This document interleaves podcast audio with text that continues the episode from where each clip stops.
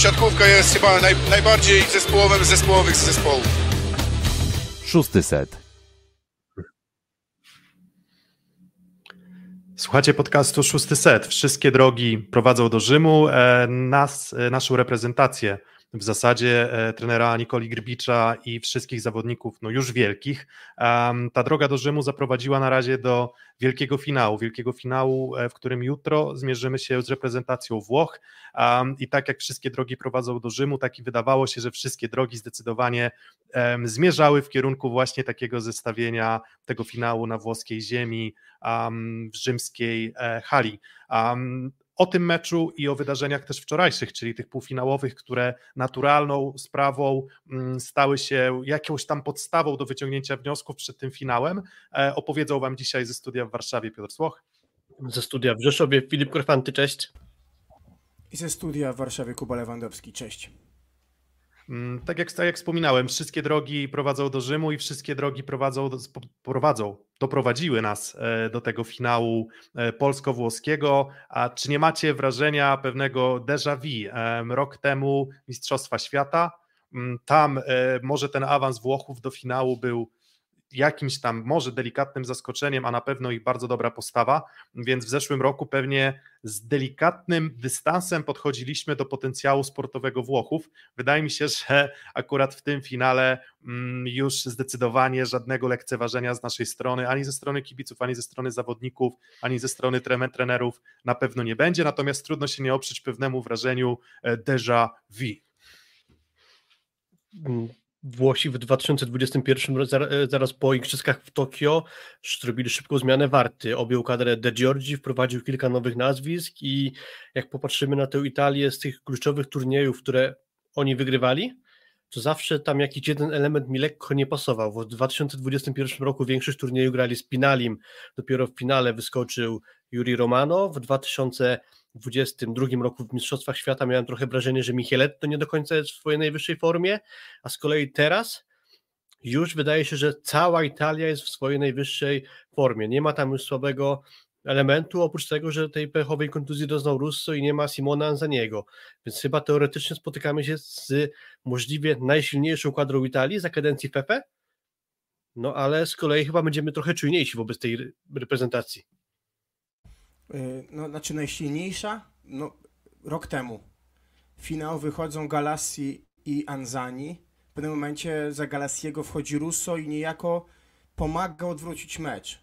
Kilka ważnych bloków, nawet pamiętacie tę obronę Russo po ataku Kaczmarka, tak, która wpadła nam w pole jako punkt. Więc mieli Włosi rok temu tą możliwość zmiany z ławki, która dla ich systemu blok obrona jest niezwykle istotna. Teraz trafiamy na Włochów, których ok, wszyscy skrzydłowie wyglądają dobrze na tym turnieju, ale brakuje, czy Sanguinetti jest w stanie dać impuls z ławki. Wczoraj wchodzi w końcówce za Moskę i psuje zagrywkę, przekracza linię. Wchodzi za Russo w meczu ym, z Holandią i czuć było dla nim tą presję. Trochę więcej dał Moska, ale widać, że to jest różnica, no bo nie ma tych tylu bloków punktowych, które dawał Russo w momencie kontuzji. Najlepszy blokujący tego turnieju, mimo że my jesteśmy najlepszą blokującą kadrą. Najwięcej bloków miał Russo, więc to jest kluczowa kwestia, ale trzeba powiedzieć sobie jedno – Piotrek, przecież to jest Włochy, rok temu tak samo było, tak? Czyli rok do roku to jest kopia. Włosi ogromny dołek na VNL-u, męczą grą w półfinale i w finale, to czy ogrywa, obrywają w półfinale bardzo. W, w meczu trzecie miejsce rok temu od nas bardzo, teraz przegrali z Japonią. Znowu przerwa, jakieś tam wakacje, obóz, ten we włoskich górach i ta kadra wraca zupełnie inna. To jest jakiś złoty klucz Fefe? Mm, myślę, że nie ma, nie ma złotych kluczy. Myślę, że są sprawdzone rozwiązania, które przynoszą sprawdzone rezultaty, albo są testy, które mogą przynieść e, jakieś powodzenie, albo nie. na tym etapie nie spodziewam się jakiegokolwiek braku profesjonalizmu ze strony sztabów, czy, e, czy, czy, czy złego pomysłu na to, w jaki sposób przygotować się, się do imprezy docelowej. Oczywiście te Mistrzostwa Europy wielokrotnie powtarzamy i pewnie znowu warto przypomnieć, że no z punktu widzenia trenera Grbicza to nie była najważniejsza zdecydowanie mm, impreza. Tą najważniejszą imprezą są te rozpoczynające się za dwa tygodnie mm, eliminacje do, do Igrzysk Olimpijskich, które chcemy wygrać i których, z których chcemy zapewnić sobie spokój. Natomiast jeżeli uznamy, że drogą na te Igrzyska Olimpijskie jest też i takim powiedzmy przygotowawczym turniejem, chociaż to byłoby dość takie lekceważące w stosunku do Mistrzostw Europy, to, to wydaje mi się, że w obu przypadkach i w przypadku Grbicza i Fefe de Giorgiego po prostu wyszło już doświadczenie, które wydaje mi się, że okazuje się być kluczowe e, nie tylko w kontekście mm, Mistrzostw Europy, ale w kontekście też kolejnych turniejów e, spod szyldu Grbicza i oczywiście Igrzysk, czyli można mieć, myślę, zaufanie do procesu przygotowania i mogą mieć takie zaufanie zarówno kibice włoscy, jak i kibice polscy, więc obie drużyny przygotowane są e, na pewno bardzo dobrze. Mm, jeszcze co do tego, co powiedziałem przedtem, to Simone Gianelli wydaje się, że być też przygotowany na to granie właśnie w Mistrzostwach Europy, bo nie wróciłem do poprzedniego turnieju, czyli Ligi Narodów. Wtedy właśnie wydaje mi się, że głównym problemem Włochów było właśnie to, że bardzo słabo prowadził grę Simone Gianelli, a teraz już tego problemu nie widać i naprawdę, naprawdę właśnie cała kadra Italii wygląda już bardzo dobrze. No, niektóre akcje fenomenalne wręcz z tego półfinału z Francją, tylko z kolei mam wrażenie, że trochę ich rywal nie dojechał. E, pod kątem przygotowania, chyba też wracając do Ligi Narodów, można odnieść wrażenie albo mieć taką trochę nadzieję, że jednak będziemy w stanie po to złoto sięgnąć jeszcze z takiego powodu, że wtedy Włosi świetnie wyglądali w Gdańsku naprzeciwko Argentyny. Że wydawało się, że są fenomenalnie przygotowani, przejechali się po Argentyńczykach, a potem dostali łomo do Amerykanów. I teraz może być tak samo. Jest świetne wrażenie po meczu z Francją, która nie do końca jest sobą, mimo że to teoretycznie jest ich docelowy turniej, i za chwilę spotkają się z nami, gdzie my też, pomimo pewnych jeszcze turbulencji, wyglądamy na dobrze przygotowani do tego grania w finale.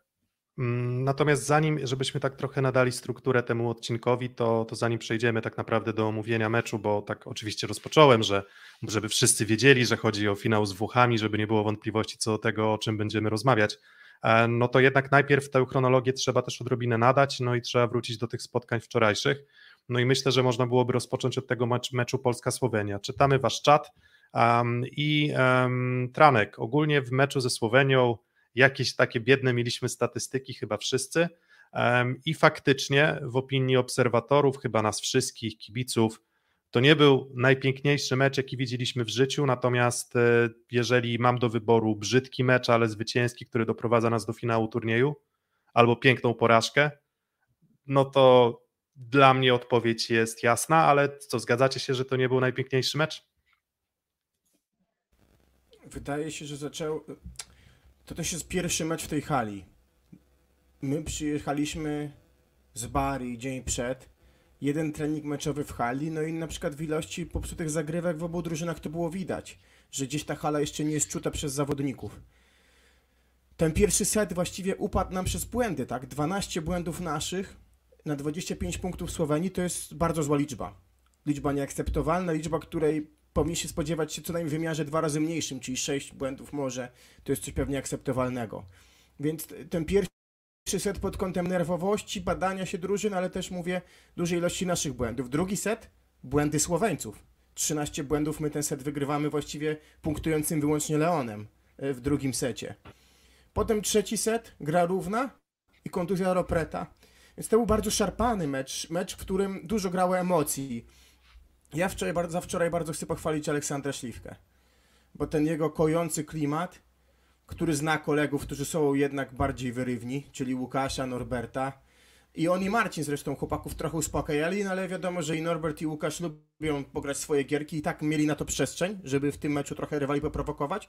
A to jest chyba pierwszy mecz, w którym my nie straciliśmy Słoweńcami głowy, bo to jest to zawsze, co mnie w tych meczach denerwowało, takie poczucie tracenia głowy.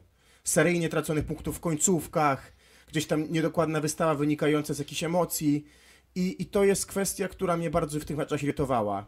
I znowu wczoraj był taki moment już po pierwszym secie, przy 2-6, że mówię, nie dajmy się złamać. Ale wróciliśmy szybko na 8-7 dla nas i to moim zdaniem był pierwszy kluczowy element tego meczu, panowie.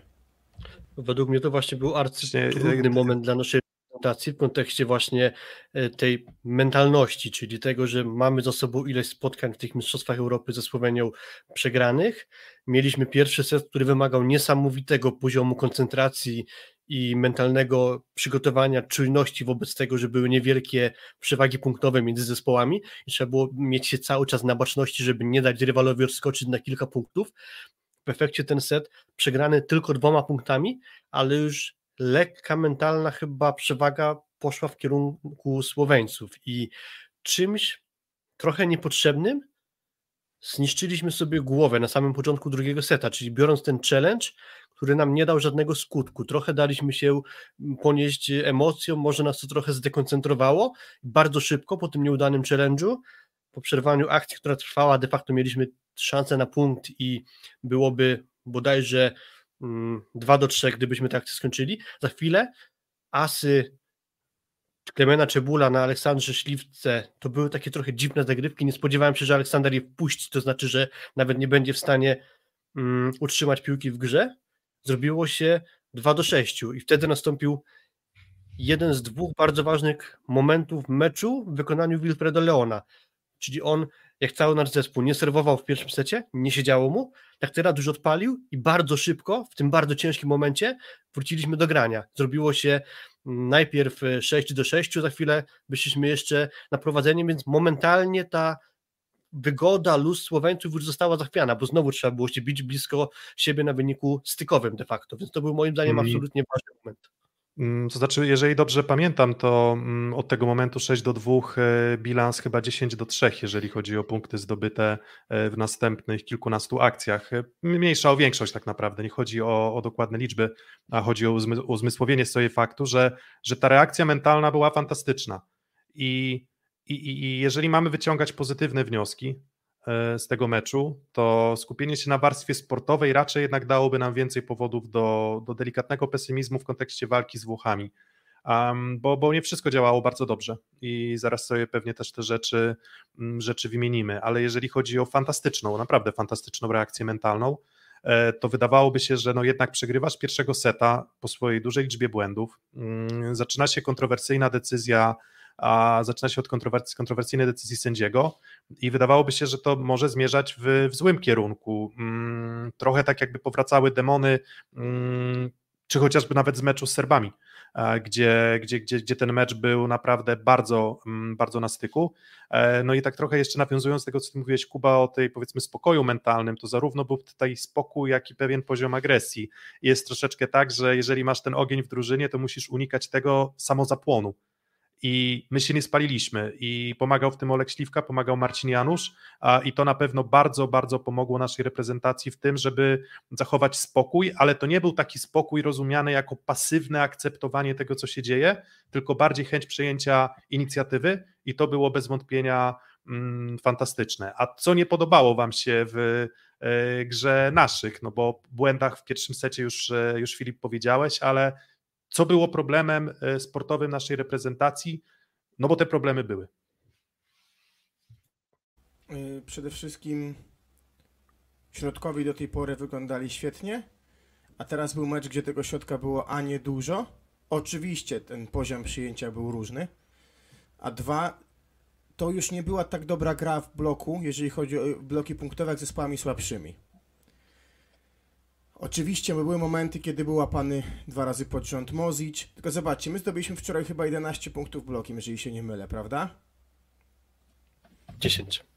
10. Z czego 3 to były w samej końcówce już czwartego seta z 20-16 a 22-16.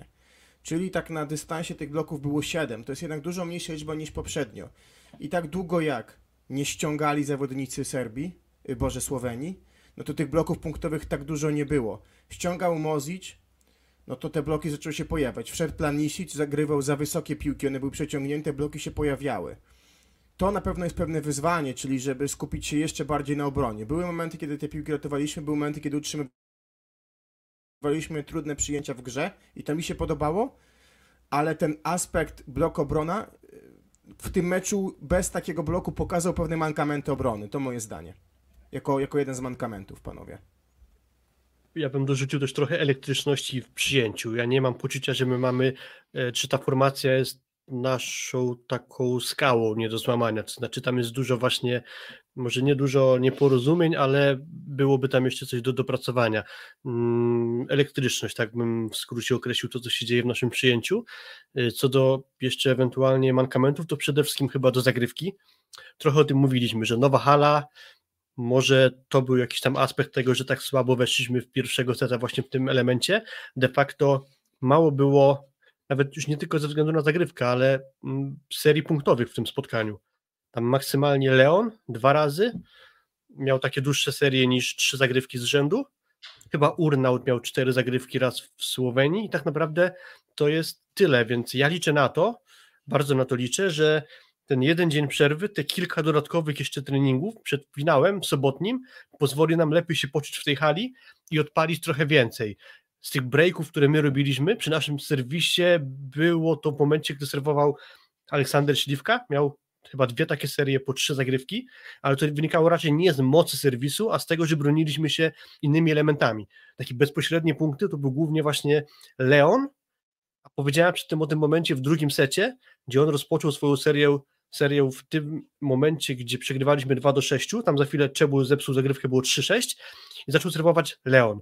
Pierwsza jego zagrywka siadła mu mocno, w Czebula on przyjął w okolice siatki. Mieliśmy trochę szczęścia, że została piłka w rękach Ropreta. Zdobyliśmy punkt dzięki temu, że piłka została w dłoniach. Gdyby tę piłkę wystawił, moglibyśmy maksymalnie szybko stracić punkt i ta seria nie miałaby kontynuacji. Bardzo podobnie było w czwartym secie, gdzie długo graliśmy punkt za punkt, poszedł Leon na zagrywkę i znowu zrobił serię zagrywek, ale druga ta zagrywka z kolei to było podwójne odbicie mm, Planincicia. Czyli znowu, gdyby nie ten błąd rozgrywającego, ta seria być może nie miałaby kontynuacji. Ale tak uogólniając, już bez tego wchodzenia w mankamenty takie poszczególnych y, zagrań, no to właśnie ogólnie zagrywka na pewno jeszcze jest do poprawienia. I jesteśmy w stanie mm. to poprawić. Tak, na pewno jesteśmy w stanie to poprawić, natomiast e, też e, taki paradoks, bo mm, Mówiliśmy o pewnych prawidłach dotyczących naszej reprezentacji, które przestają mieć rację bytu. Jednym z tych prawideł było mocne uzależnienie od zagrywki, bo nawet jeżeli prześledzimy sobie mm, VNL i finał, finał VNL-u, to potężnym atutem naszej reprezentacji była punktowa zagrywka um, na przykład Mateusza Bieńka. Um, obecnie jest tak, że jeżeli prześledzimy sobie część tych ustawień naszych, to Przejdziemy do tych detali potem później, ale na dystansie całego turnieju Kuba Kochanowski nie zagrywa bardzo często, więc też siłą rzeczy wynika z tego, że zbyt wielu breakpointów przy jego zagrywce nie robimy. Nie robimy wielu breakpointów przy zagrywce też na przykład e, Marcina Janusza, więc z tym jego flotem rywale sobie radzą, e, radzą względnie dobrze. No i głównie Norbert Huber, którego akurat w tym meczu trochę zabrakło, jeżeli chodzi o element zagrywki. Do tej pory na tym turnieju rozdaje karty, jeżeli chodzi o to, jak często serwuje i jak tak naprawdę jesteśmy w stanie sobie ustawić akcję po jego, e, po jego zagrywce. Więc oczywiście z zagrywką mamy rezerwy, przy czym jest też trochę tak, że Słoweńcy mm, to jest tak, to jest, to jest, to jest na pewno zespół kompletny i takie stwierdzenie padło też ze strony, zdaje się, Wojciecha Drzyzgi. To nie jest zespół kompletny, w którym każdy element jest na wybitnym poziomie, ale jednocześnie jest zespołem na tyle kompletnym, żeby trudno było znaleźć jakąkolwiek lukę e, w jakości sportowej tego zespołu. I my próbowaliśmy tę Słowenię nadszarpnąć i złamaliśmy ją dopiero w momencie kontuzji Ropreta. E, jak duży wpływ miała ta kontuzja Kuba na, E, na wynik meczu, czy możemy nie wiem, cieszyć się tym, że ta kontuzja nastąpiła, to jest oczywiście złe słowo, ale to chyba jakąś ulgę i na pewno ułatwienie nam mm, dało.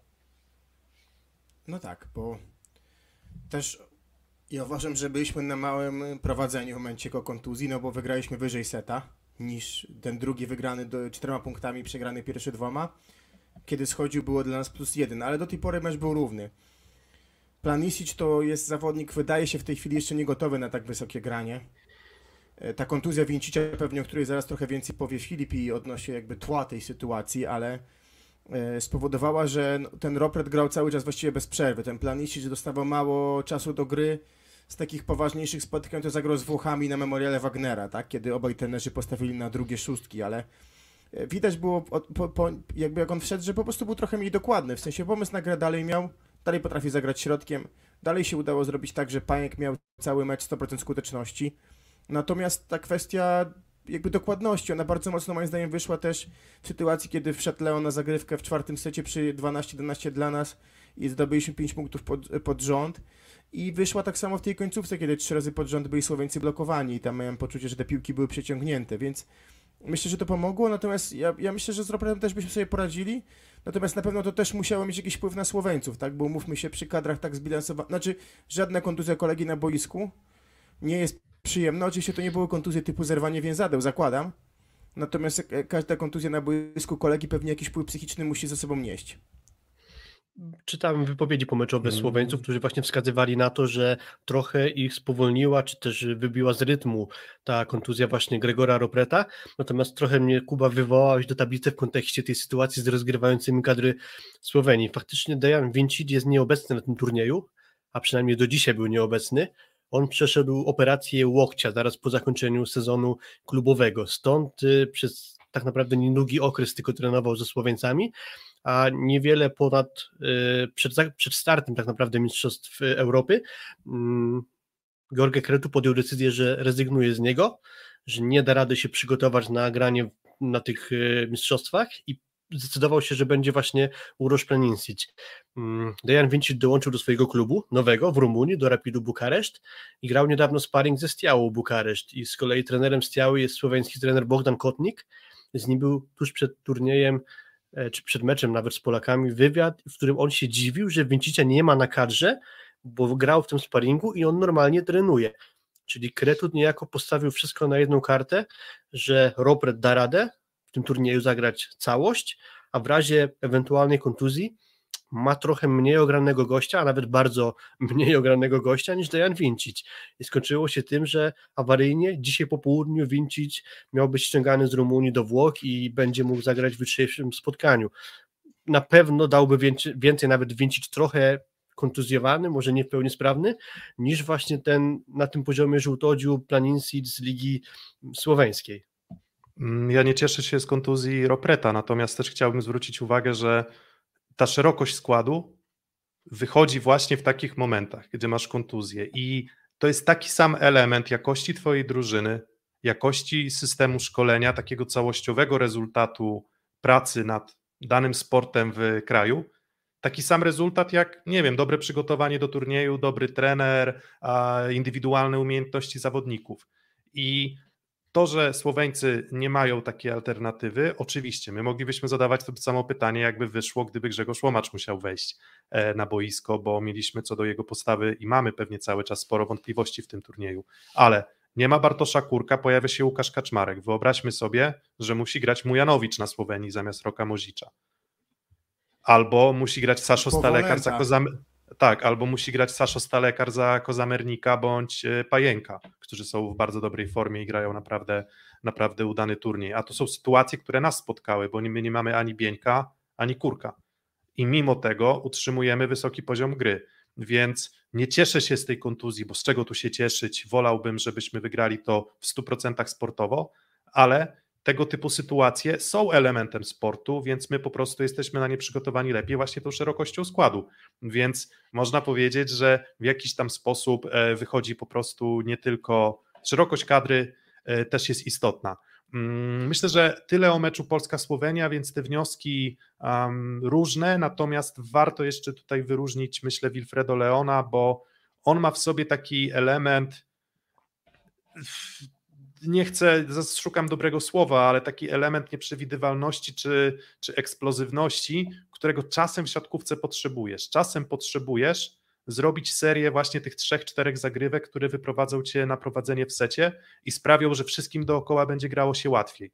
Czasem bycie takim powtarzalnym, ułożonym, równym zawodnikiem, który wszystko wykona dobrze, ale nie, nie ma raczej szansy na to, żeby wykonał idealnie, czasem będzie to sprawiało, że na przykład nie będzie miał tego argumentu serii punktów, którą na przykład Leon zbudował e, naszą przewagę. I Leon to potrafi. Potrafi wejść w trans, potrafił, i co w ogóle też jest fantastyczne w tym turnieju i w tym sezonie reprezentacyjnym, że są momenty, w których Wilfredo Leon gra genialnie. I zaraz potem są takie, w których gra fatalnie, ale w tym właśnie jest rola Grbicza, żeby umiejętnie tym zarządzać. Natomiast w tych dobrych momentach tego meczu ze Słowenią Wilfredo Leon naprawdę kapitalny i trzeba to wypunktować. Z Wilfredo Leonem jest trochę jak ze spacerem po linie, czyli czasem trzeba być bardzo czujnym, żeby wyczuć ten moment, w którym jego gra się przestaje bilansować. I w tym meczu z Serbią dobrze to wyczuł. Nikola Grbidzi wpuścił właśnie za niego zmiennika i to dało dobry efekt. Tak wczoraj kilkoma momentami może dało się odczuć, że być może za chwilę nadejdzie zmiana, ale jednak przeczekał umiejętnie Nikola Grbidzi, fantastycznie odpłacił się Wilfredo Leon. Odnośnie kontuzji, jeszcze wpływu takiej, takiego wydarzenia w trakcie meczu, no to raptem niedawno mecz Włochy-Holandia, 14-12 prowadzą Włosi w pierwszym secie, schodzi kontuzjowany Russo i Włosi przegrywają tę partię do 19.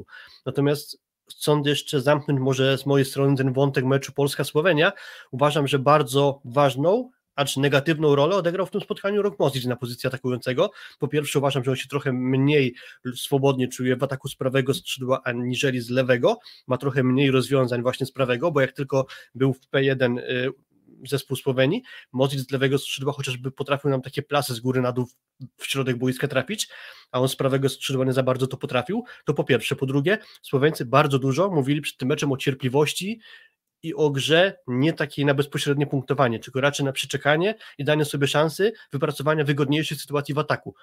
Po meczu z kolei Klement Czebul powiedział dziś między zdaniami coś takiego, że w pewnym momencie przestaliśmy być zespołem, nie do końca zagraliśmy drużynowo. I ja mam trochę poczucie, że chodziło mu, nie chciał wskazywać palcem, ale o Roka Muzicia, który bardzo mało właśnie starał się grać na ponowienie, tylko raczej na bezpośrednie kończenie ataków.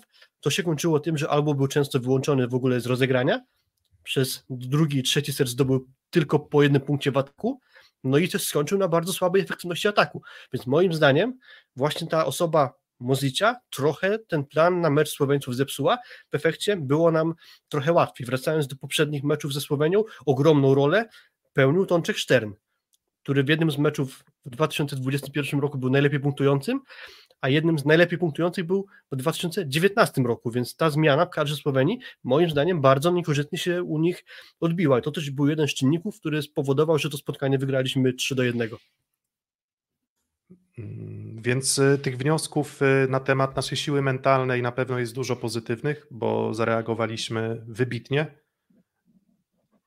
ale mamy pewne zastrzeżenia co do poziomu naszej gry i myślę, że te zastrzeżenia co do poziomu naszej gry na pewno też i pewien niepokój wzbudziło to, jak dobrze zaprezentowali się w drugim półfinale Włosi, którzy Francję praktycznie z parkietu zmietli, zdusili, nie dali Francuzom mm, ani momentu, albo może powiedzmy jeden moment w zasadzie pod koniec trzeciego seta i odrobinę w pierwszym, ale ich przewaga nie pozostawiała żadnej, żadnej wątpliwości. Um, ale zanim jeszcze o tym meczu, i zaraz Kuba zapytam Cię, bo Ty jesteś tutaj fanem chyba numer jeden w naszym e, zespole, jeżeli chodzi o reprezentację Włoch, to jest Was bardzo dużo na live, za co dziękujemy. Dziękujemy za dobry odbiór e, naszego nagrania z Oskarem Kaczmarczykiem.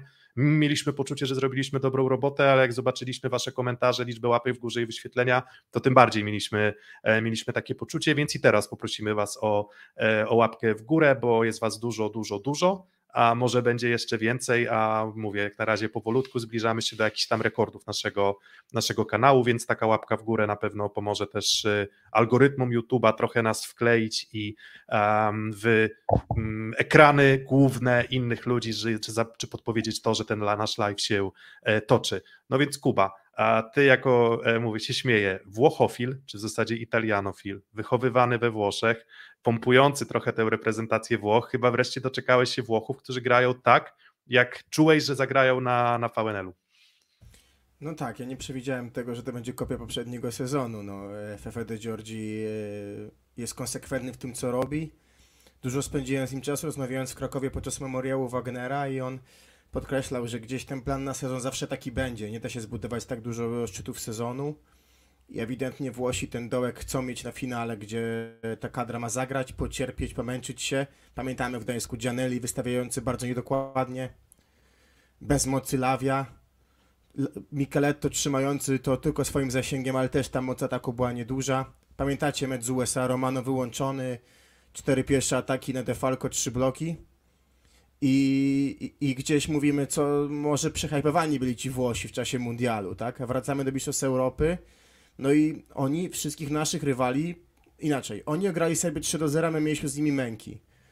Ograli Belgię 3 do 0, my mieliśmy jakiś tam dołek w trzecim i czwartym secie. Z drugiej strony my ograliśmy dość pewnie Holandię, a oni, y, no, mieli już ciemno przed oczami ten turniej potwierdza tylko jedno tak naprawdę, bo zanim przejdziemy sobie do jakby, mogę przejść do meczu z Francją zaraz, ale jedno zdanie bo z Holandią oglądaliśmy to, wy kibicowaliście underdogowi i jakby ja tylko byłem ciekawy reakcji Włochów w czasie tej breaku, bo oni na przerwie przed piątym setem byli bladzi, poza jednym, y, poza Gianellim. I on naprawdę dowodzi leadershipu tej drużyny, dowodzi. I to jest też dla mnie fantastyczny finał dwóch bardzo pozytywnych postaci w siatkówce. Czyli Gianelliego i Śliwki, którzy są liderami, ale to nie są liderzy tacy wiecie, to nie, jest, to nie byli piłkarze, którzy by weszli, wiesz, ślizgiem zawodnika, żeby podostrzyć i tak dalej. To byli raczej tacy goście klasy Pirlo, spokojni liderzy, którzy czują Pirlo, drużynę, Pirlo, ale... Pirlo Buffon. e, Tak, tak. ale nie tak, Gattuso. Tak, Tak, ale a nie tak, Gattuso, ale nie Gattuso. dokładnie. Tak, tak. Czy, czy, czy u nas bardziej Kuba Błaszczykowski, a nie Jacek Góralski chociażby, tak. Więc jakby ta, ta kwestia tych liderów, którzy dają jednak ten pozytywny mental drużynie, uspokajający, jakbym powiedział, kojący, bo jednak ten spokój w siatkówce przy grze dzisiaj na powtórzenie jest szalenie istotny. Więc to tyle o mentalu Włoch, a o meczu z Francją to może wy panowie chwilę, ja chętnie też jeszcze swoje dopowiem. Mm, No to Filip, e, pokaz siły, czy Francuzi, którzy mm, mają swoje problemy sportowe? Bo myślę, że jesteśmy w stanie kilka takich problemów e, wskazać, które w tym meczu wyszły. jedno i drugie. Z jednej strony znakomita większość meczu postawa Włochów, ale z drugiej strony też nie da się nie zwrócić uwagi na mankamenty Francuzów. E, Chyba trochę jako chwycenie się brzytwy tonący Gianni wpuścił Erwina Ngapeta na boisko, bo niedawno całkiem zapowiedział, że Ngapet już w tym e, turnieju nie będzie grał, może ewentualnie jakieś pojedyncze zmiany typu na zagrywkę, na całkiem spory dystans jednak Erwin Ngapet w tym półfinale się jeszcze załapał. No ale poza tym, że no, miał momentami takie kilka ważnych w górze, to niewiele tak naprawdę wniósł. Po meczu skarżył się na e, z panią sędzinę tego spotkania, która nie zauważyła asa serwisowego przy piłce meczowej, natomiast swoje za uszami ma też Gianni, bo wcześniej bez sensu stracił dwa challenge i to sprawiło, że Francuzi nie mogli challenge'ować przy ostatniej, jak się okazało, akcji meczu, ale to nie o tę jedną piłkę się to spotkanie rozstrzygnęło. Różnica między drużynami była bardzo duża, no i mnóstwo właśnie niedobrego działo się u Francuzów w kontekście w ogóle przygotowania tej drużyny na ten turniej, bo oni mają pewny awans na igrzyska w Paryżu. W związku z tym nie grają turnieju kwalifikacyjnego i dało się założyć, że ten czempionat europejski będzie dla nich imprezą docelową 2023 roku, a totalnie tak nie wyszło. Mam wrażenie, że Gianni przybył do tej reprezentacji przed chwilą, zebrał z listy 15 najlepszych siatkarzy, przyjechali na turniej Mistrzostw Europy i jakoś to będzie. W zasadzie miał tyle czasu, żeby te kadry przygotować, a tak naprawdę nie do końca było wiadomo, kto ma grać na ataku, bo był przez chwilę Patry, słabo, Błaje, słabo, czy Brizard, czy Toniutti, czy na przyjęciu Carle, czy Luati, czy Klevno, czy mm, Gapet, czy Tilly. Tak naprawdę pewniakami tam był Grebennikow, jasne, Sinenieze, ewentualnie Blizzard jeszcze, a cała reszta strasznie płynna ta kadra się zrobiła w efekcie, nie do końca było wiadomo jakim składem oni planują grać i co tak naprawdę chcą grać. Totalnie nieprzygotowani według mnie byli Francuzi do tego grania. Mm, I tak jak w przypadku Grbicza, mm, mamy czasem pewne wątpliwości co do trochę maszyny losującej, która podejmuje decyzje na temat tego, kto wychodzi w podstawowym składzie, jakie zmiany mają miejsce, to jednak trzeba przyznać, że większość z tych zmian, większość, nie wszystkie, ale większość z tych zmian, czy większość z tych decyzji finalnie się broni. W przypadku Francuzów mm, to zestawienie na przyjęciu jest dla mnie tutaj wyjątkową zagadką. E, Jakieś tam pewnie problemy zdrowotne Trevora Kleveno, którego pewnie zabrakło odrobinę, żeby ta moc na lewym skrzydle była mocniejsza.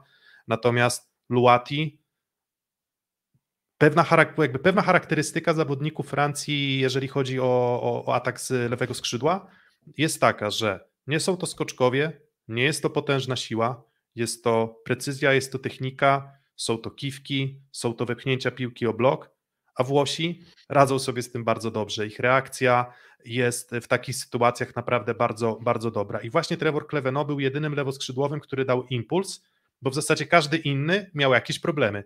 Karl miał problemy z przyjęciem w ataku przyzwoicie. Luati miał problemy pewnie i tu, i tu, ale głównie e, z atakiem. Wszedł Ngapet, dał na pewno impuls mentalny, natomiast nie jest przygotowany fizycznie do grania.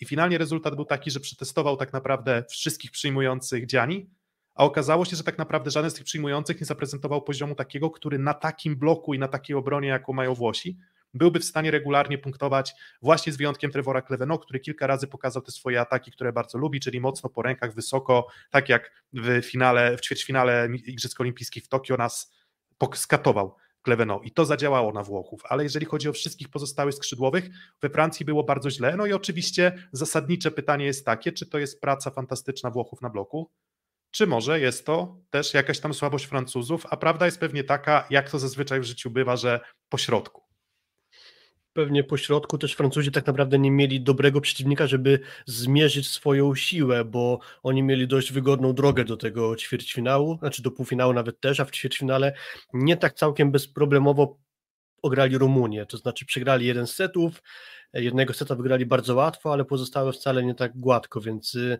jeśli Rumunia, czyli de facto kopciuszek tego turnieju, jest w stanie się Francuzom na poziomie mm, ćwierćfinału postawić, a jeszcze wcześniej ograli przecież te reprezentacje w grupie, no to już trochę mówi o tym, jak wygląda Francja. Generalnie oni jako mistrzowie olimpijscy to już jest rzecz do zapomnienia. Objął ich kadrę Andrea Gianni i tak naprawdę poza tym, że wygrali Ligę Narodów w 2022 roku, o mało w sumie wypuściliby finał, bo wygrywali 2 do 0 z USA, a skończyło się po tej breku dla Francji, to później odpadli z ćwierćfinału Mistrzostw Świata, wcześniej jeszcze odpadli z Euro z Czechami, odpadli w Lidze Narodów w ćwierćfinale, więc tak naprawdę niedobre, niewiele dobrego dzieje się właśnie w tej kadrze pod wodzą Dzianiego. Też mam poważne zastrzeżenia co do jego pracy i tego, czy on będzie najlepszą osobą do przygotowania Francuzów na ich poniekąd turniej życia, czyli Igrzyska Olimpijskie na własnej ziemi. I Kuba, można byłoby się zastanowić, co by było, e, co by było, gdyby Serbia albo Słowenia przepraszam, Serbia albo Holandia trafiły do innej części drabinki, bo obie drużyny zaprezentowały się z bardzo dobrej strony i wydaje się, że z taką Francją mogłyby nawiązać y, rywalizację, a Francja jednak była beneficjentem tej drabinki żartu. No to chciałem powiedzieć, panowie, no, rywale. Izrael, Grecja, Portugalia, Turcja, Rumunia, Bułgaria. To były rywale, z którymi grali Francuzi, aby dojść do półfinału. Da się trudniejszą drogę ustawić, nie da się ukryć. Mm, Porównajmy do tego rywali Włochów, rywale Włochów po drodze, tak? Niemcy, Serbowie, Holendrzy chociażby. Tak? Nasi, Su, y, Belgowie, no Serbia, no i oczywiście sami Francuzi. Mhm. Ich, no tak, dokładnie, więc jakby, no mówię, no gdzieś y, tak, tak ustawiono to, chcąc dawać szansę różnym krajom, Rozmawialiśmy z Oskarem o tym, że powinno to być może nie cztery mecze dziennie i tak dalej, ale to temat na inną dyskusję. Możemy mówić o słabości Francji bez wątpienia, natomiast kilka akcji wokół z tego meczu było fenomenalnych, tak? Nie wiem, at, at, atakuje Boye, broni Golawia na drugą stronę. Potem atakuje z przechodzącej Engapet broni Lawia, dostaje wysoką piłkę, Micheletto kończy, tak? Dużo było akcji długich, które wygrywali Włosi. Francuzi wygrali jedną długą akcję, tą, którą skończył kapitalnym plasem Engapet w stylu Mateusza Miki z finału 2-14 z Brazylią, ale poza tym długie akcje wygrywali Włosi.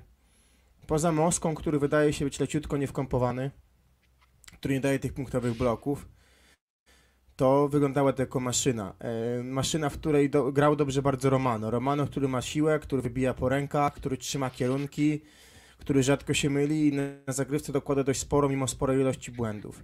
Lawia, który znowu wygląda jak na każdym turnieju reprezentacyjnym od trzech lat, czy mówimy wrześniowym, czyli kapitalnie, tak? No bo wczoraj chociażby jeden z tych ataków po przewyższeniu, to Gianelli się łapał za głowę. Zobaczcie paradoksalnie, że te piłki nie są turbo szybkie do Włochów. Do Romano one są faktycznie szybkie, ale na lewe skrzydło, które gra, gra Gianelli, one nie są aż tak bardzo szybkie. Do Micheletto wiadomo, bo jest wyższe, ale nawet do Lavi one też nie są turbo szybkie. To nie są ekspresy w stylu Janka Fileja czy Christensona do Defalco. To są piłki wyższe. Nie wiem, czy one nie są wyższe niż do naszych przyjmujących, więc to jest taka ciekawostka. No i kapitalny Balasso, tak, bo wczoraj też zamurował swoją pozycję. Bardzo często wyłapywał Francuzów, kiedy chcieli właśnie Luati czy Tilly, czy, czy, czy nawet Carle w tą strefę zaatakować, gdzie on, no to on te piłki utrzymywał w, w grze. Więc, więc to jest ta mhm. kwestia. Do tego dochodzi to, że, że znowu Gianelli zagrał świetnie na siatce, tak? No bo i kończył, i łapał te piłki, które właściwie lecą w strefę, wiecie, inni, inni rozgrywający by już ich nie złapali, tak? On je łapie i jeszcze albo kiwa, albo do, dogrywa do tego, do, czy do środkowego, czy do skrzydłowych, więc yy, myślę, że Włosi są na poziomie tego, jaki byli rok temu. Myślę, że dużej różnicy nie ma. Nawet mm. nie wiem, czy nie są ciut lepsi. Mm, I to tak naprawdę, dopóki nie, nie zmierzymy się w finale, to mm, w zeszłym roku można było powiedzieć, że Włosi w dużej mierze korzystali też z dość wygodnej drabinki. No bo ta też Słowenia, my mieliśmy USA, no Francja. my mieliśmy, my mieliśmy USA, my mieliśmy Brazylię, ale powiedzmy odrobinkę, odrobinkę korzystali, więc można było mieć wątpliwości, bo ta Francja trochę się nie prezentowała, więc w sumie mm, już widać było jakieś tam zalążki tego, że oni z tą Francją, że znaczy, że ta Francja nie, nie gra tak dobrze, jak może powinna w meczu z Japonią wtedy, który przepchnęli jeszcze, mm, więc y, jakby nie chcę tutaj bagatelizować też tej ścieżki, ale wydaje mi się, że w zeszłym roku spoglądaliśmy na Włochów właśnie z takim lekkim przymrużeniem oka, na zasadzie co tam ich defensywa, my mamy fantastyczny side-out i sobie tym side-outem na pewno z tą defensywą poradzimy, bo tak awizowaliśmy ten mecz. A tu zdziwko.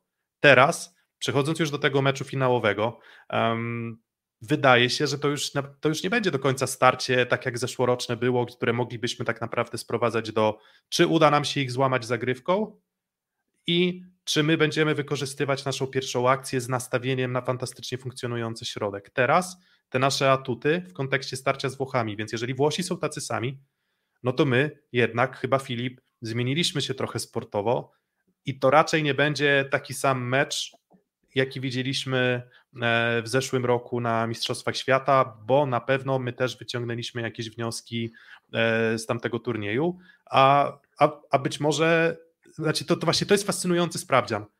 Czy my przez ten rok zrobiliśmy postęp, bo jeżeli uznajemy, że Włosi grają dokładnie to samo, czyli bardzo dobrą siatkówkę, bardzo ułożoną, fantastyczną na bloku i w obronie, to jak my się temu przeciwstawimy? Hmm, można by powiedzieć, tyle wiemy o sobie, ile nas sprawdzono, jak pisała Wisława Szymborska, więc ciekawe jest to, że w zasadzie można powiedzieć, że trudność rywala nam rośnie z biegiem tego turnieju, teraz będzie już największa z możliwych, bo chyba spotkają się reprezentacje top 2 na świecie w tym momencie, właśnie reprezentacja Polski i reprezentacja Włoch. E, co do tych Włochów z zeszłego roku, no to też kontuzja Russo to jest jedna sprawa, on być może zagra, może nie zagrać, sprawa jest jeszcze tak naprawdę otwarta, jeśli nie zagra, to będzie olbrzymie osłabienie, bo ani Sanguinetti, ani Moska nie będą w stanie w tym włoskim systemie i indywidualnie wnieść tyle samo, co właśnie Roberto Russo, właśnie to jest ogromne ich osłabienie. Nawet jeśli będzie mógł zagrać, to obstawiam, że ta kontuzjowana noga nie da mu takiej dynamiki, nie przełożyć to tak na szybkość jego reakcji bloku i na wyskok, jakby to było przed kontuzją, więc tu będzie lekka wyrwa w tym systemie włoskim. Druga sprawa, to też pamiętajmy, no my nie mamy swojego Bieńka, oni mogą nie mieć swojego Russo, ale też nie mają swojego Simona Zaniego, który też był ważną postacią wcześniejszych turniejów w Włochu, bo Simona Anzani dopiero wkrótce wznowi treningi po perturbacjach z sercem. E, On jest w składzie... pierwszym rzędzie trybun, prawda? Po każdym meczu do niego biegną, więc jakby, no ale tak. Tak, tak no, no jest tak, podkreślana ta u Włochów jest podkreślana ta jedność zespołu, że oni są ze sobą bardzo zżyci i może to był też powód tego, że Iwan Zajcew został przez De Giorgiego skre skreślony z tej kadry, bo jest trochę niższa średnia wieku dzięki temu i może to pokolenie młodsze się po prostu lepiej ze sobą dogaduje i im się po prostu chce bardziej y, umierać za tę flagę, aniżeli właśnie z trochę starszym, może z weteranem e, Iwanem Zajcewem.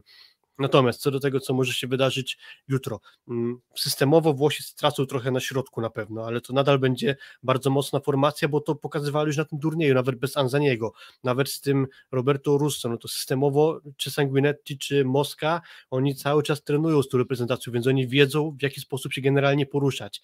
Nie mają tyle doświadczenia, ale to nie będzie tak, że będzie totalna dziura po prostu na środku włoskiej siatki. Mm, Stąd myślę, że będzie bardzo ciężki kolejny sprawdzian dla naszej gry blok obrona. Kolejna sprawa, odbije się trochę Kuba od tego, co ty powiedziałeś w kontekście tego, że Włosi atakują na trochę wyższych piłkach. Ja optycznie mam wrażenie, że jeszcze jest jedna kwestia charakterystyki gry Włochów w ataku, to znaczy to, że oni raczej nie starają się ściągać piłek, a łapią piłki bardzo wysoko, dzięki tym właśnie trochę podwyższonym wystawom i starają się atakować przez strefę dłoni, przez co ich jest bardzo ciężko, bezpośrednio zablokować. Mhm. I jak sobie sprawdziłem statystykę top 4 tego turnieju, czyli Francja, Polska, Słowenia i Włochy, to tylko Włosi mają większy odsetek błędów w ataku, aniżeli ataków ich zablokowanych. wszystkie trzy reprezentacje mają ten wskaźnik odwrotnie, czyli ich jest łatwiej zmusić do błędu, niż ich bezpośrednio zablokować. A nam imponuje nasza gra w bloku w kontekście bloków punktowych między innymi. Więc to jest ciekawe, jak te dwie siły, jak te dwa żywioły ze sobą się zderzą i co nam z tego wyjdzie, bo może być tak, że nasz blok stanie się w pewnym sensie bezużyteczny, albo może właśnie Włosi, nawet pomimo tej swojej charakterystyki, od naszego bloku będą się odbijać. I tutaj Piotr, jak jeden z naszych widzów Reality Check napisał, że trzeba będzie ich skatować. Zaksa style. A czy to nie jest tak, że e, znowu wracamy do prymatu tak naprawdę Zaksy i Trentino? No bo Tak, znowu to jest Zaksa- starcie, gdzie w jednej drużynie... Wiesz,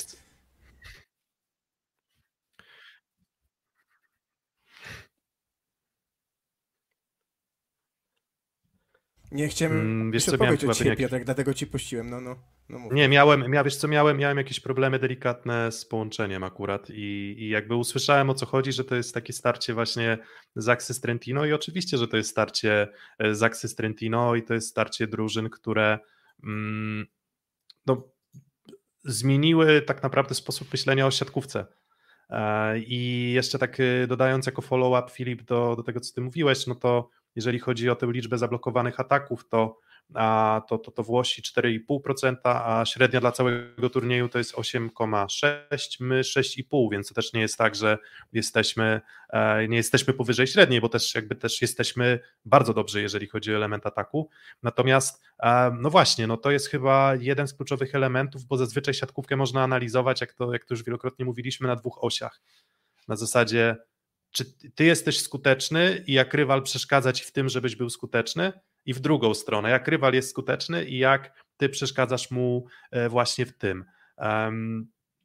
To będzie, jakby mam pewne obawy o ten mecz i, i, te obawy właśnie wynikają z tego, że ten blok punktowy wydaje mi się, że to zresztą też i chyba czy ty Kuba czy Filip powtarzaliście, że one trochę pudrują, e, przykrywają te nasze delikatne problemy, jakie mamy z, z elementem obrony. Nie, że jest bardzo źle, ale obawiam się trochę tego, że my tutaj nie będziemy wcale właśnie blokować punktowo, tylko będzie pytanie właśnie o wytrzymywanie przykładowo akcji z blokiem pasywnym. To będzie, wiecie, pod wieloma względami to będzie sprawdzian tego, czy jesteśmy lepszą drużyną, jeżeli chodzi o taką powtarzalność na bloku, bo pamiętacie akcję na Mistrzostwach Świata w zeszłym, w zeszłym roku. Próbują Włosi raz, podbijają, próbują drugi, próbują trzeci, w niektórych akcjach pewnie z 4-5 razy próbują nas sforsować i finalnie forsują, ale liczenie na to, że oni będą nam popełniać, będą dawać piłki sami, że będą bezmyślnie ładować się w nasz blok, jest złudą, tego, tego, tego nie będzie. Um, I może być też tak, że nie doceniamy do końca tego elementu bloku punktowego, ale no, trzeba byłoby się pewnie zapytać samych reprezentantów y, Polski też, czy, czy sztab y, i analityków w naszej kadrze, czy, czy mimo wszystko będziemy w stanie tym blokiem punktowym ich zatrzymywać, bo myślę, że nie będzie bloku punktowego, jeżeli tak jak Filip mówisz, nie ściągasz, więc no, macie obawy o to, czy jesteśmy w stanie blokiem pasywnym reagować tak dobrze jak punktowym? Minimalny, jeśli tak. To znaczy też posiłkuje się tym meczem finałowym z Mistrzostw Świata. To nie było tak, że my nie byliśmy wtedy w stanie nic bronić. Jeśli mówimy, że Włosi są podobni, podobną ekipą jak tamta właśnie sprzed roku, no to też my mieliśmy sporo piłek po swojej stronie, ale z kolei my mieliśmy problem ze skutecznością ataku naszego wtedy. Ja tak to spotkanie pamiętam, że my przede wszystkim mieliśmy niemoc w ataku. Natomiast teraz mamy, mm, jak to powiedział Oskar Kaczmarczyk, takiego gościa jak Wilfredo Leon, który dużo w ofensywie jest w stanie wnieść i jeśli on wejdzie na swój poziom taki, jak to było z kadrą Słowenii, to czasami po prostu gardy na siekierę nie ma, że to może być game changer w kontekście rywalizacji z Włochami właśnie, czyli postawa Wilfredo Leona, ale ta broń jest dwusieczna, to znaczy może też wyjść tak, że Włosi jako ekipa dla mnie lepiej serwująca, a na pewno stosująca bardziej precyzyjnie zmienność zagrywki, sprawi, że ten Leon ze spaceru po linie spadnie po prostu, czyli przestanie nam się bilansować jego gra w ataku względem tego, ile bałaganu powstanie w przyjęciu zagrywki. I mi się wydaje, że właśnie kluczowa tu będzie postać Wilfredo, to znaczy on w ataku raczej ma wiele argumentów, żeby tych Włochów przełamywać, ale z kolei też Włosi mają po swojej stronie oręż, żeby Wilfredo z kolei ściągnąć z boiska. Y, to ja uważam, że inna będzie kluczowa postać i chyba Piotrek to też napisał i zaraz ci Piotrek dam argumentację. Da, dam ci też się zaargumentować to, ale chyba Marcin Janusz jednak, bo kapitalnie prowadził między Amerykanami, inaczej niż rok temu, mając pamięci, co pokonało Amerykanów w ćwierćfinale, teraz zagrał inaczej. Zgadzam się z naszym widzem Reality Check, że Kaczmarek jest idealny na Włochów, bo on sobie bardzo dobrze radził z Trentino, różną tempowością. Pamiętacie, on te mecze bardzo dowoził. Mówię już o tym rocznym Trentino, nie tamtym, kiedy był Zenger, Mówię o tym roku i drużynach dość zbliżonych dzisiaj. Tylko, że tam byli serbscy środkowi, którzy lubią przelatywać. Nie? To mówi nam Oskar Kaczmarczyk. Teraz będą włoscy środkowi Galasji, jest chyba dość mądrym środkowym, tak go odbieram. Mówię, dobrze, że nie będzie Russo, ale y, co do Zajc... powiedziałeś jeszcze Filip do tego, że y, nie lubią się Włosi, teraz nie wbijają się bezsensownie w blok, w blok. To tak też odbierałem Zajcewa, że on mógł pociągnąć, ale też lubił wbić bez sensu w bloki. To trochę tak jak Piotrek w korporacji, by twój szef powiedział, wiesz co Piotrek, bo lepiej, żeśmy mieli młodszych kolegów, będziesz tu lepiej funkcjonował, to najstarszego zwalniamy. Ale wracając do Janusza, kluczowe będzie, myślę, że jego, tak jak ty powiedziałeś, kluczowe będzie jego spojrzenie na sytuację po drugiej stronie siatki, no bo rok temu my od trzeciego seta nie mieliśmy już pomysłu na ten mecz. Tak ja to odbieram, od połowy trzeciego seta to już było tak, że każdy z przycisków już był wyłączony i było bardzo ciężko ten mecz prowadzić. Mm, wiesz co, no jedną z rzeczy, która jest kapitalna w, w Zaksie, jest teraz też kapitalna w tej reprezentacji Włoch, że w zasadzie jakby zastanowić się nad tym, czy jest jakaś słaba strefa na bloku w reprezentacji Włoch, no to na prawym skrzydle skaczą ci Mm, Lavia i Micheletto, którzy mają ten blok fantastyczny. Będziesz musiał na lewym skrzydle forsować się z Gianellim. Może teraz ten brak e, Russo, albo może to, że on nie będzie w pełni formie, formy, da ci jakąś nieszczelność, jeżeli chodzi o ataki do skosu. Ale jeżeli będziesz ze skrzydła lewego atakował po skosie, to będziesz miał tam w obronie Balaso który Francuzów bronił momentami w zębach. Spektakularnie bronił. Francuzi wcale się nie pieścili z, z siłą uderzeń, a mimo to Balaso był w stanie tak naprawdę ten czynnik fantastyczny e, stworzyć. Więc um, nie spodziewam się, że to będzie mecz, w którym będziemy mieli dużo spektakularnych e, gwoździ. Tak jak ze Słowenią było, że momentami Leon potrafił faktycznie ten, e, ten blok po prostu omijać i, i ładować w parkiet tak teraz myślę, że można mieć co do tego obawy. A co do samego Marcina Janusza, no to oczywiście przyjęcie może być różne. Wiemy, że to przyjęcie nie jest przyjęciem, z którego my popełniamy błędy, ale prawdopodobnie będzie trochę, trochę. Nie wiem, czy bardzo dużo, zależy od presji Włochów na, zagryw, na zagrywce, a, a z tą zagrywką to trochę na dwoje babka wróżyła. Może być trochę biegania, trochę grania prawe-lewe, grania na bloku szczelnym, podwójnym, potrójnym. No i teraz pytanie właśnie, czy rozwiązaniem na to będzie Wilfredo Leon i jego potężna siła i rozbijanie bloku, czy może jednak rozwiązaniem będzie poszukanie zestawienia, które będzie miało lepsze przyjęcie i tych sytuacji na podwójnym bloku będzie mniej, ale centralną postacią takiego systemu będzie oczywiście e, Marcin Janusz. Ciekaw jestem właśnie mm, rywalizacji na środku, bo do tej pory, gdy reprezentacja Włoch e, grała z różnymi rywalami, to ci środkowi wypadali nieźle. Oni nie byli w reprezentacji Serbii na przykład dominującymi postaciami, gdy grali z Włochami, ale tak jak skrzydła Serbów nie działały zupełnie, tak może świadomie Włosi odpuszczali środkowych, ale to nie jest jedyny przykład tego, że w walce jeden na jeden, szczególnie jeżeli nie będzie Tomaso Russo, nasi środkowi mogą mieć dużą przewagę. Kwestia mm. Filip, ja myślę, że Proszę. wskazówką jakoś było Amerykanie w meczu z Włochami, bo bazują Włosi na tym, że Romano jedzie na szybkich piłkach, oczywiście nie, wysoka raczej idzie na lewe, no ale on też jednak jest elementem istotnym. To nie jest tak, że on atakuje dużo mniej. On jednak wczoraj dostał tyle samo piłek co Lawia i dwa razy więcej praktycznie niż Micheletto. Więc Amerykanie Defalco szybko zamknął, y, wyłączył światło Romano i moim zdaniem wyłączenie go szczelnym, równym blokiem, gdzie nie będzie mógł wybijać, jak on najbardziej lubi, i łapanie jego ciasnych skosów też może być jakimś rozwiązaniem.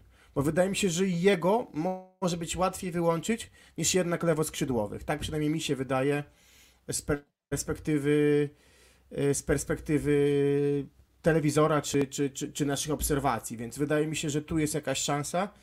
bo mimo tego, że oczywiście jego siła uderzenia jest duża, e, mimo tego, że on i kończył na przykład na 13-10 z Holandią, no to on kończył na pojedynczym bloku jedną piłkę, tak? W tej breaku dostał dwie piłki, jednak chyba 12 czy 13 piłek dostało lewe skrzydło, więc ten Romano w sensie jest istotną postacią, ale wydaje mi się, że będzie łatwiej go wyłączyć niż, niż lewoskrzydłowych. Z drugiej strony, co zrobiła Zaksa? Zaksa wyłączała Lawię tym, że zajeżdżali go zagrywką. On przyjmował w meczu sześciosetowym, tym epickim, ze złotym setem, 40 kilka razy. Sprawdzaliśmy, że w tym turnieju te przyjęcie u Włochów bardzo równo się rozkłada, tak? I to też pytanie, na kogo będziemy chcieli trafiać, no bo Balasto jest w świetnej formie, a jednak jakoś tam Włosi sobie z tymi bombami Nimira umieli radzić, prawda? Umieli radzić. Po, miał, miał te swoje serie, ale jednak te kluczowe momenty umieli sobie radzić, więc wydaje mi się, że tak jak mówiłeś Piotrek, Janusz, szukanie przewagi na środku, szukanie niedolatującego bloku i obijanie go, cierpliwość, no i próba wyłączenia chyba Romano. Uśredniając... No właśnie Piotrek? Filip, kontynuuj. Nie, nie mów, mów. A, okej. Okay. zaraz... E, uśredniając, powiedziałbym, że Włosi generalnie tak trochę jak na początku, czyli że wszyscy są w dobrej formie, nie ma tam raczej słabego punktu, natomiast uśredniając właśnie, bo jeśli wyciąć pojedyncze fragmenty tego spotkania, to tak naprawdę i Micheletto miewał słabsze momenty i Lavia miewał słabsze momenty na tym turnieju, to nie jest tak, że oni od deski do deski grają cały czas super. Zgadzam się Kuba z Tobą, że według mnie najprościej będzie spróbować wyeliminować Juriego Romano, właśnie z ataku i skupić się trochę na innych strefach, może dzięki temu. Natomiast jeszcze też mnie, mnie olśniło, jak powiedziałeś o meczu Amerykanów z Włochami w Lidze Narodów, bo stamtąd mam takie przybłyski i podobało mi się to, jak Amerykanie starają się przyspieszać może trochę grę do Andersona, tym, że wystawiali mu piłki dość daleko od antenki, przez co ta piłka miała trochę krótszy czas lotu i przez co Anderson szybkimi takimi atakami był w stanie tej piłki przecinać i to fajnie działało. Natomiast jaki to ma związek z naszą reprezentacją? Mamy na prawym skrzydle Kaczmarka, z którym Janusz gra dużo szybciej niż z Kurkiem. Piłki do niego generalnie lecą szybciej i to wymaga szybszej reakcji zawodników po drugiej stronie siatki. Co z tego wynika? To znaczy mm, wobec nas trudniej jest nastawić się na pomaganie bloku Włochom do środka w sensie skrzydłowy, musi być czujny na atak Kaczmarka. A jeśli pilnuje naszego środka, to może mu zabraknąć pół sekundy, milisekund, żeby zdążyć do tych szybkich wystaw Kaczmarka. Teoretycznie może to sprawić, że nam się trochę środek otworzy. Ale z kolei czerwona lampka jest też taka, i nie wiemy jak to wyjdzie, bo uważam, że mieliśmy bardzo ciężkie warunki na środku ze Słoweńcami. I niestety nie mam wytłumaczenia, dlaczego tak było. Nie jestem wskazać jednego elementu, dzięki któremu Słoweńcy nam tak uprzykrzali grę na środku i czy będą w stanie to zrobić Włosi. Ale w tej szybkiej grze do Kaszmarka właśnie widzę możliwość otworzenia naszego środka. Czy na pewno mm, słabszym elementem, jeszcze tak jak mówiliśmy o Norbercie Huberze i Kubie Kochanowskim, to jeszcze Norberta Hubera było widać i na boisku, a Kuba Kochanowski miał takie momenty naprawdę pustych przelotów i, i ofensywnie i na pewnym etapie w ogóle też Marcin Janusz go wyłączył z grania środkiem, więc to było troszeczkę tak, że mm, Kuba Kochanowski w ogóle nie dostawał piłek, um, a nie dostawał piłek, bo się trochę męczył w ataku. I oczywiście no, taką decyzję po prostu też podjął Marcin Janusz i właśnie do tych decyzji zmierzamy, że takie decyzje będzie musiał Marcin Janusz podejmować i na bieżąco właśnie nawigować tym meczem.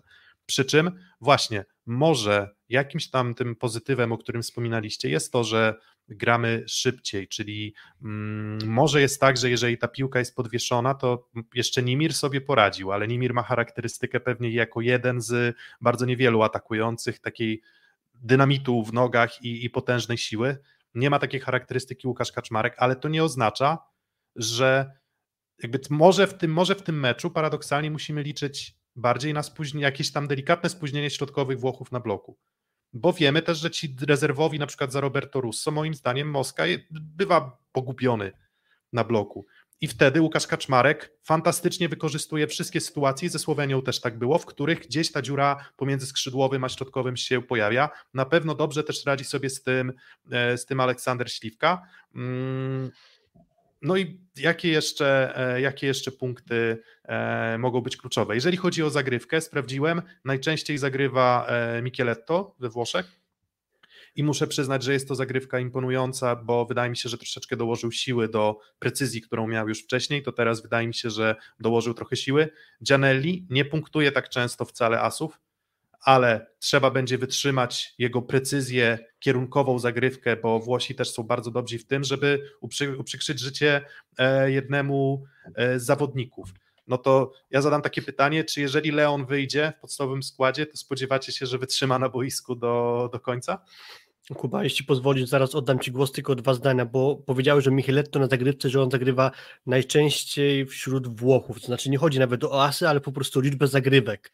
Dokładnie. Tu też uwypukla się moim zdaniem jego atut przy całej kadry Włoch i niebezpieczeństwo z ich strony w postaci ataku z pipa jego, czyli Alessandro Micheletto właśnie. To, co mi imponuje, to jak oni szybko i różnorodnie potrafią właśnie z Micheletto zagrać pipa, to znaczy on, to co robi dla mnie fenomenalnie, to jest to, że z pierwszej strefy nie robi drobnych, powolnych kroków w kierunku strefy piątej, tylko on niemal takim szybkim biegiem przemieszcza się w stronę piątej strefy i atakuje z tamtej szerokości, z granicy piątej, szóstej strefy, mimo że jest w pierwszej strefie teoretycznie wyjściowo.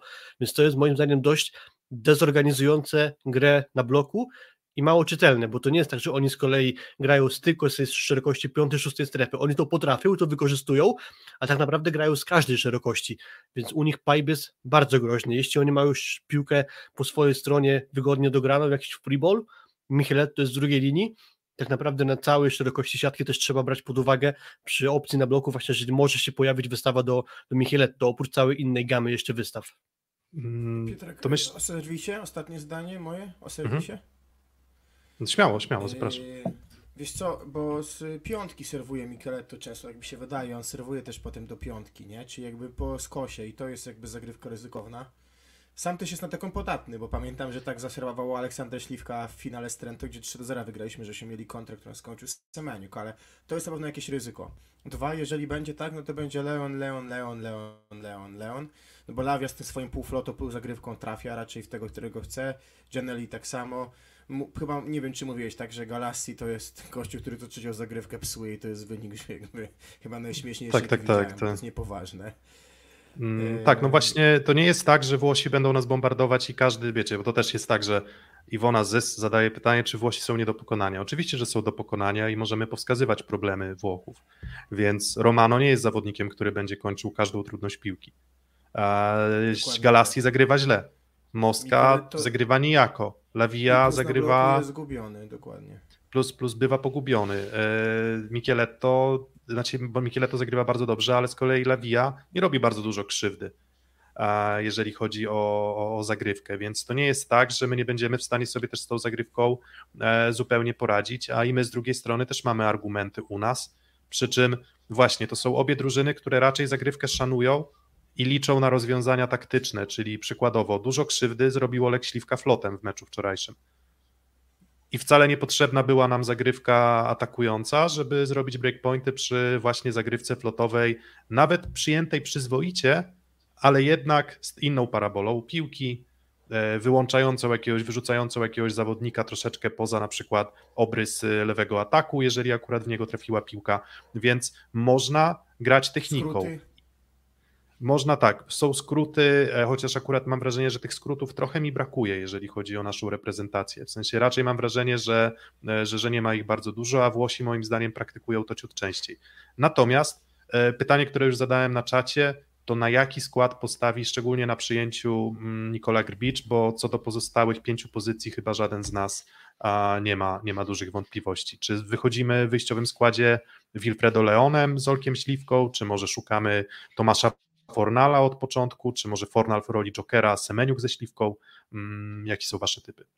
Często zastanawiamy się właśnie nad tym wyjściowym składem Nikoli Grbicia, czy w ogóle coś takiego jak wyjściowy skład y, w głowie Nikoli Grbicia funkcjonuje. Natomiast my mamy na ten temat dużo dywagacji, a potem koniec końców y, jest wywiad z asystentem trenera Gorge Kretu, przed meczem wczorajszym i był zapytany o wyjściową szóstkę Polaków, powiedział oprócz całej oczywistej reszty na przyjęciu Leon ze Śliwką, więc widać, że nasi rywale mimo tej całej szerokości naszego składu są w stanie dość dobrze przeczytać to, co zrobi Nikola Grbić i być może się dobrze na to przygotować i tu też moim zdaniem jest y, odpowiedź na to, jakim składem my wyjdziemy, czyli to będzie taki sam skład wyjściowy jak na wczorajszy mecz ze Słowenią, takie jest moje zdanie, a czy takim samym składem zakończymy to spotkanie, to już w ogóle nie mam pewności. Jezu. Włochów skład mogę podać. nie no. Z 1997. Ja mogę Kaiserslautern podać. Tak, znaczy nie wiesz, nie wiesz do końca, czy na pewno na przykład zagra Roberto Russo, więc, e, więc też, no, też tak. no jakaś, tam, jakaś tam wątpliwość pozostaje akurat, ale to jest jedyna wątpliwość. Chyba wyjdziemy tak jak ze Słowenią zaczniemy. W sensie chyba spróbujemy tym, bo Leon się broni na przyjęciu moment bierze. Ja odczuwam tak.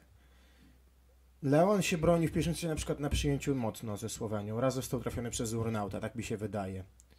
Natomiast tej elastyczności I jest raz trochę mniej. No Aj, tak, no to elastyczności jest trochę mniej i w czwartym secie zaczął wymiękać trochę fizycznie już po zmianach, tak? Natomiast Włosi też wymiękli mocno fizycznie i psychicznie w trzecim secie z Francją. To był ogromny meltdown, my to pomijamy, tak? Bo wygrali błędem sędziego trzeci set i tak jak powiedział Filip, to nie zdecydowało o meczu, ale w siatkówce różne rzeczy mogło się zdarzyć i odwrócić i ten ich meltdown był kosmiczny. To nie jest tak, że mam poczucie, że to jest kadra nie do złamania też psychicznie.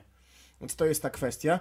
Ja bym wiesz jeszcze na co chciał jutro powiedzieć i co bym bardzo chciał jutro widzieć, wyeliminowanie Janeliego z punktowania.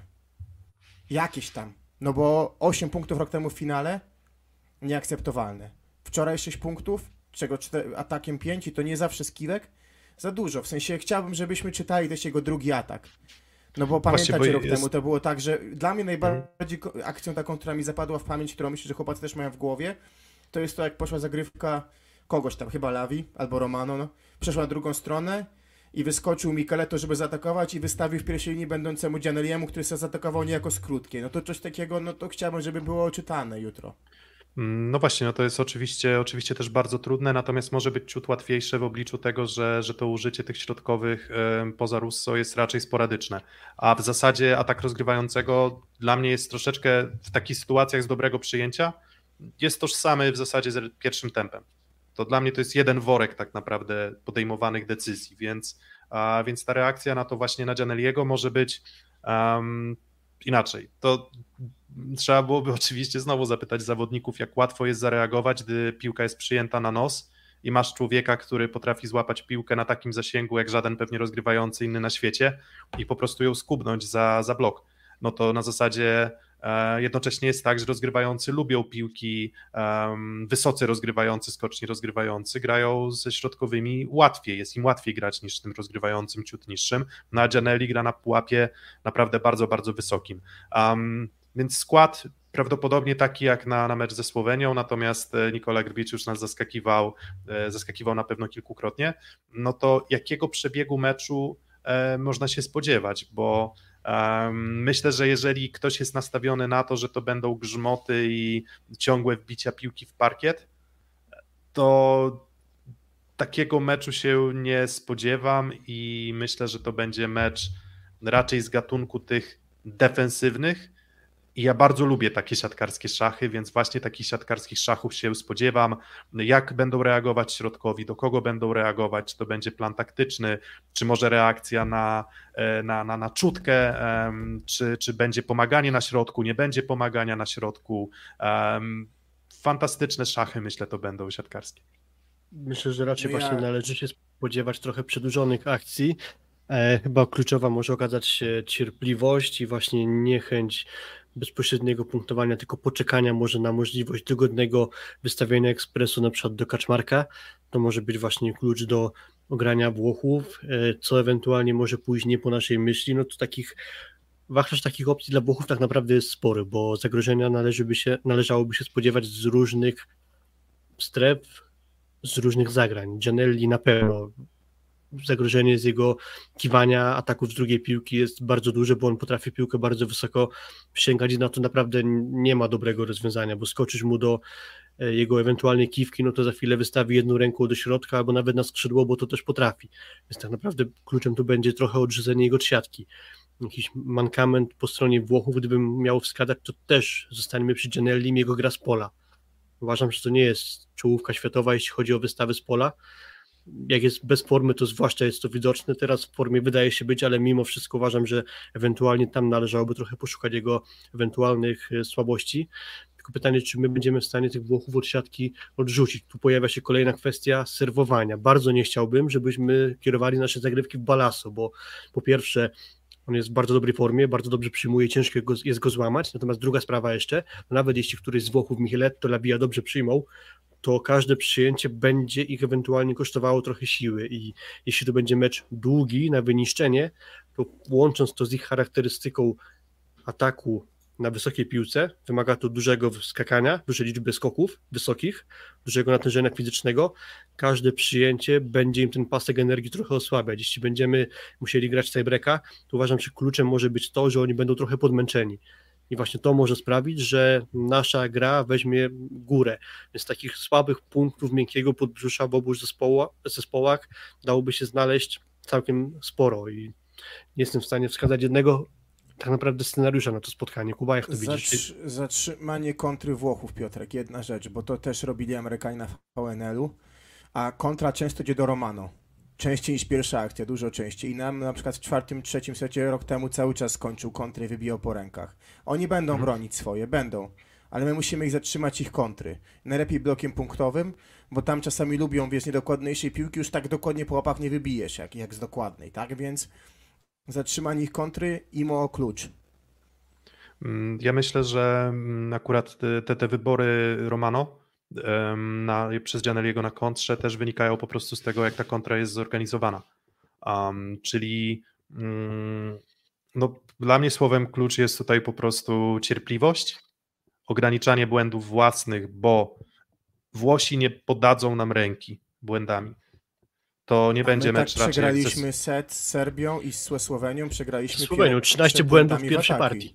Dokładnie, nawet mm, końcówki. Więc my, więc my musimy te, e, te błędy ograniczać albo inaczej. To ryzyko podejmowane w akcjach musi być bardzo wyważone.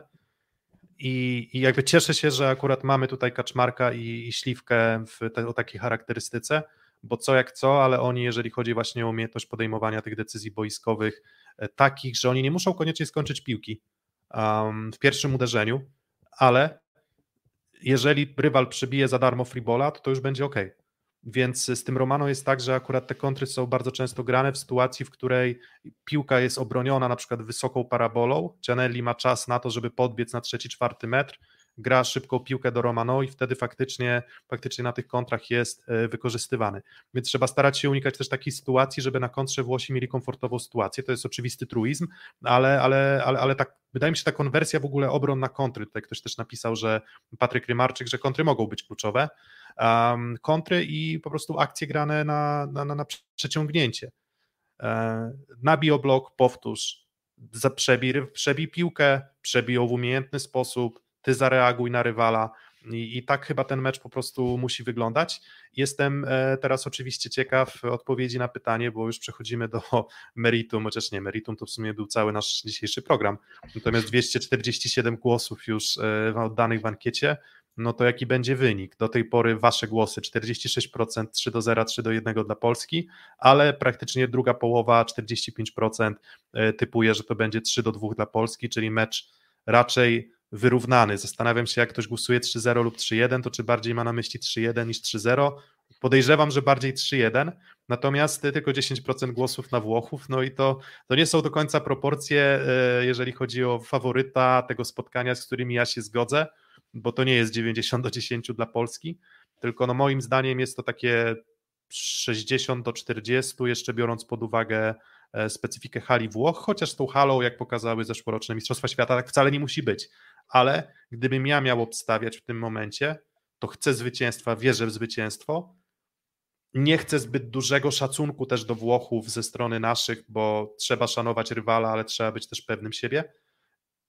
Ale gdybym miał wybrać, to jednak uważam, że ciutkę moim faworytem są Włosi i teraz możecie mnie zjeść, drodzy widzowie, za to, ale, ale, ale tak to po prostu widzę. Co nie znaczy, że nie możemy tego wygrać. Tylko, że to jest trochę tak, że jak typowaliśmy Zaksę w Lidze Mistrzów, to mówiliśmy 55 do 45 i Zaksa wygrywała, ale to nie znaczy, że Zaksa wygrywała łatwo, więc to będzie rąbanka i mam nadzieję, że zobaczę spektakl, ale czy wygramy złoto? A no to jest y, zupełnie inna kwestia. Kuba, też jesteś antypolakiem? Żartuję. Nie no, ja, ja czekałem na ten mecz długo i mówiłem, że ludzko zasługuje na ten spektakl. I ono ci credo, nie no, żartuję. Wiecie co, wierzę mocno w cinque set, czyli w tiebreak, bo chciałbym zobaczyć naprawdę spotkanie na poziomie finału VNL-a 22 USA-Francja, taki poziom epickości mm, z naszym zwycięstwem, w sensie to ma nas też zbudować przed igrzyskami, bo dwie porażki pod rząd z jednym rywalem na pewno zbudowałyby jeszcze większy handicap dla Włochów, których i tak uważam, że są ciut przed innymi, tak nie wiem, o promil. 52% do 48% dla Włoch obstawiam, natomiast chciałbym, żebyśmy wygrali 3 do 2. Ja mam tak samo, to znaczy liczę na tej breka, bo to sprawi, że ten mecz miał dużo wydarzeń boiskowych i będzie o czym opowiadać i czym się delektować. Natomiast mam właśnie tę nadzieję, że charakterystyka gry Włochów ich zabije w tej breku. To znaczy, że im trochę braknie mocy ze skrzydeł właśnie, żeby z nami rywalizować na poziomie wystarczającym. E, Włosi zaczęli tej breka z Holandią od tego, że mieli wynik 2 do 4. Holendrzy prowadzili dwoma punktami na samym starcie tej piątej partii. Chyba trochę Nimira im zabrakło, to znaczy pasek mocy Nimirowi się z kolei chyba też wyczerpał.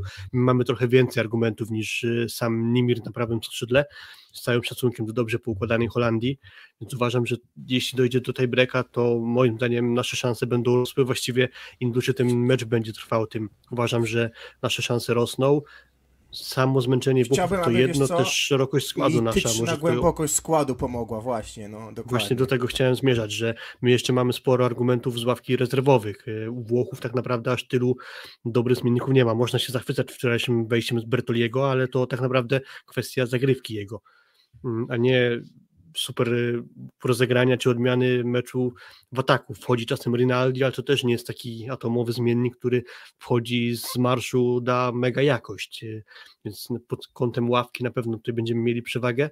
Właśnie liczę na tę cierpliwość. Kluczem też będzie na pewno lepsze wstrzelenie się z zagrywką, bo tu uważam, że mamy spore do, pole do poprawy, ale też sporo czasu i te kilka jednostek treningowych być może pozwoli nam na lepszy efekt właśnie z pola serwisowego, więc y, po tej breku Polska. Mhm. Więc jak tutaj napisał młody, czyli złoto nasze, akurat te nasze typy raczej trafiamy niż nie i przed chyba startem Mistrzostw Europy nawet tam oceniliśmy, że Polska z Włochami zagra w finale więc Polska z Włochami e, w finale zagra, co może nie było bardzo dużym wyzwaniem, biorąc pod uwagę gdzieś potencjał też tych drużyn, ale, e, ale, ale zobaczymy, czy nasz typ teraz się, e, się trafi. Mm, dziękujemy za dzisiejszego live'a. Godzinka 17 takiej pikułki o wydarzeniach półfinałowych i dobra, to jeszcze typ o meczu o brąz, ale tak już szybko, jedno zdanie. Francja. Ja, ja, stawiam, na, ja stawiam na Słowenię. Ja tak samo, stawiam na Słowenię. Nie podoba mi się to, co dzieje się po francuskiej stronie. Jeszcze wejdzie ten Vincic, po którym tak naprawdę nie wiadomo czego się spodziewać, czy on będzie grał, czy nie będzie grał. Może to będzie ten, jak to się nazywa, game changer po stronie Słoweńców. Uważam, że oni będą mieli większe pragnienie tego brązu, więc stawiam na Słoweńców. Mm, I no i tutaj e, kończymy już naszego live'a, więc też jeszcze możecie dać na czacie informacje o jakie są wasze typy w meczu o brąz. E, w meczu o brąz Słowenia-Francja, który rozpocznie nam ten sobotni e, wieczór z siatkówką.